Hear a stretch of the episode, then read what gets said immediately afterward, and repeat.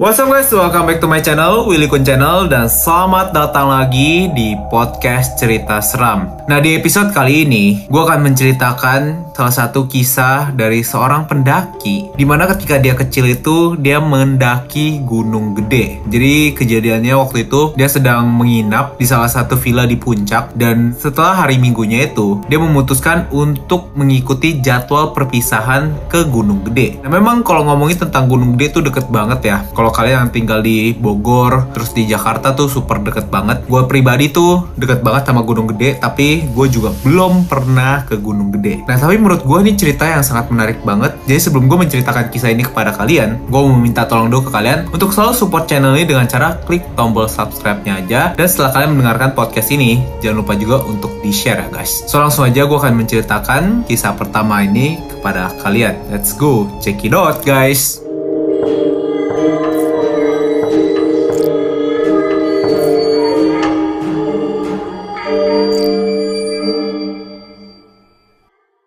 Kisah ini diceritakan oleh salah satu penulis di Quora bernama Michelle Ano. Michelle Ano ini menceritakan dari sebuah pertanyaan, adakah hal terseram yang ingin kamu bagikan? Hal terseram, hmm, banyak sih. Secara sering dikasih lihat, tapi ada yang benar-benar membekas di ingatan aku sampai sekarang. Gak tau deh, ini serem apa enggak. Bear with me, soalnya rada panjang. Gak apa-apa ya. Jadi, dulu waktu itu tahun 2000-an kalau nggak salah, saya baru naik kelas 6 SD ikut mama perpisahan murid-muridnya. Jadi, mama saya itu adalah seorang guru dan perpisahannya ini akan ke puncak Bogor. Kita menginap di villa yang sudah disewa oleh SD mama dan itu pertama kali saya menginap di villa by the way.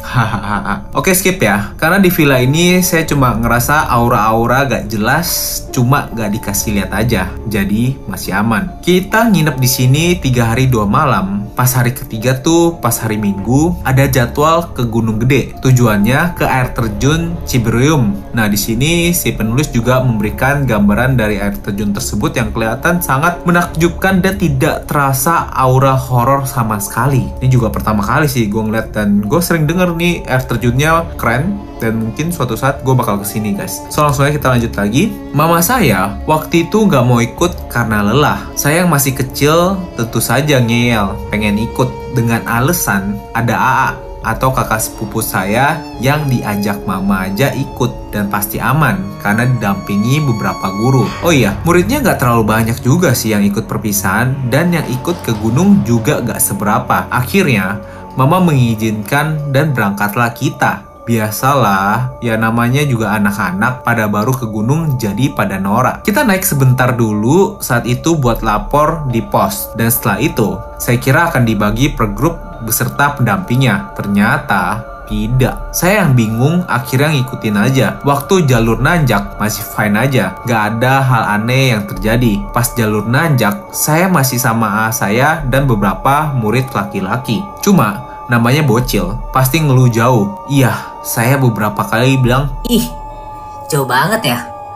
Kok kita nggak sampai-sampai? Dan beberapa sambil bercanda mengatakan hal yang sama. Dan sekarang saya baru tahu kalau naik gunung, pantang bilang seperti itu karena yang ada kita bisa dijailin sama penghuni situ. Akhirnya dengan perjuangan, lelahnya melebihi muterin mall satu hari. Kita sampai di air terjun, wah, masya Allah indahnya. Oke, skip karena kita cuma sebentar aja dan akhirnya kita turun. Di sini mulai mencari AA saya dengan murid laki-laki malah turun duluan sambil lari ninggalin saya dan empat orang murid perempuan. Ngeselin banget dia tuh. Sepanjang jalan kita cuma diem karena kita tuh takut gak serame pas berangkatnya. Paling ngobrolnya seadanya sambil mikir ini kita nggak nyasar kan? Pokoknya ya takutlah cuma berlima di hutan yang kita bener-bener awam apalagi masih anak-anak nggak ada alat komunikasi pun. Oke, di tengah jalan kita ketemu sama dua orang mas-mas pendaki gunung. Mereka bawa tas karier dan style mereka ya emang kayak anak gunung banget. Si mas-mas ini nanya, Dek, abis dari mana? Dijawablah sama salah satu dari kita. Abis lihat air terjun mas. And then si Mas nanya lagi. Oh, gitu. Terus sekarang mau turun ya?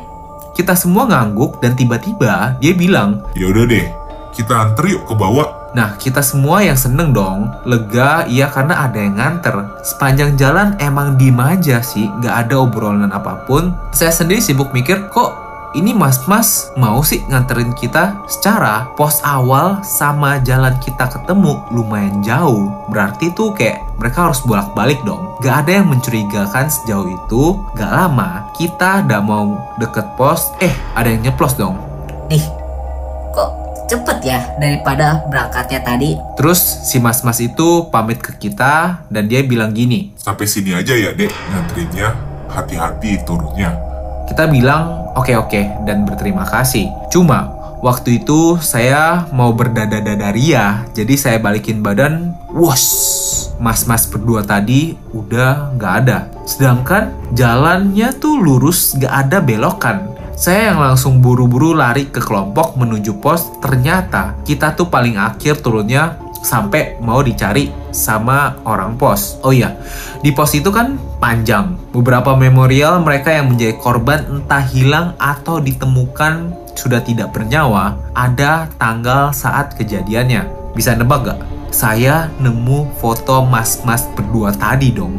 Iya, mas-mas yang anterin kita turun, mereka korban hilang belum ditemukan keterangannya sampai saat ini. Ini yang tetap membekas di ingatan saya sampai sekarang, malah kadang jadi sedih. Mas-masnya baik anterin kita turun, nggak dibuat nyasar atau ikut hilang bersama mereka. Usia saya memang masih kecil saat itu, tapi ingatan saya kuat. Adakah yang mempunyai pengalaman yang sama seperti saya saat naik gunung? Sampai sekarang, kadang saya suka mikir dan kirim doa untuk mas-mas itu. Oh ya, saya nggak terlalu hafal trek masuk jalur pendakian dari pos awal, cuma kurang lebihnya mirip trek seperti ini. Nah, si penulis itu memberikan satu gambaran seperti kayak ada satu jalan setapak kayak kalau kalian pendaki kalian pasti ngerti lah jalan setapaknya seperti apa pinggirnya itu dipenuhi dengan hutan-hutan jadi bener-bener jalan setapak lurus gitu. Kalau misalnya ada orang yang kayak berpisah gitu atau kayak berpapasan sama kita kita pasti masih bisa lihat nggak bisa langsung menghilang begitu saja.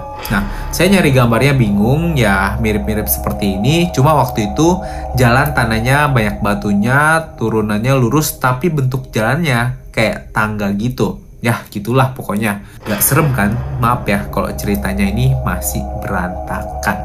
Wow wow wow.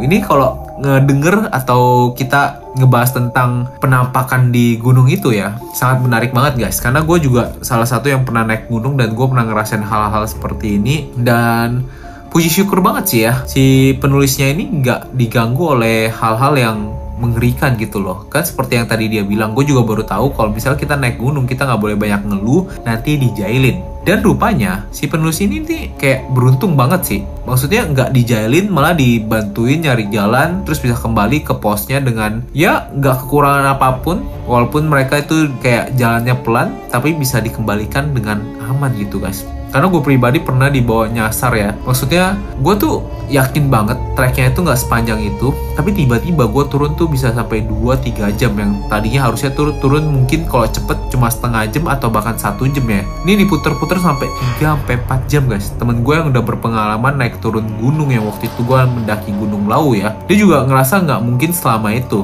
Dia udah kayak tujuh kali ke Gunung Lau nggak selama itu. Dia tahu nih ini lagi dikerjain. Jadi kalau pengalaman pengalaman di tempat gunung atau uh, yang angker-angker kayak gitu memang nyata adanya guys. Jadi kalau misalnya kita naik gunung atau masuk ke dalam hutan, lebih baik kita menjaga apa yang kita ucapkan karena bukan kita doang penghuni di tempat tersebut. Mungkin saja penghuni di sana ada di sekitar kalian dan mendengarkan percakapan kalian guys. Nah itu dia kisah yang diceritakan. Gue menurut gue pribadi sih ini simple banget tapi to the point dan menurut gue merinding loh. Gue membaca dan mendengar kisah seperti ini. Nah gimana buat kalian yang mungkin sering naik gunung dan punya pengalaman seperti ini? Kalau kalian mau cerita bisa langsung aja ya kirimin cerita kalian di DM Instagram gue di Willy Kun karena semakin sekarang nih kayak makin kekurangan cerita gue nih guys. Mungkin kalau kalian yang mau, mau share cerita kalian bisa langsung aja DM di Instagram gue ya guys ya. So itu dia kisah hari ini guys. Terima kasih telah mendengarkan podcast cerita seram dan selalu mensupport channel ini. Itu dia kisah hari ini. See you guys in the next video di podcast cerita seram berikutnya. Bye bye.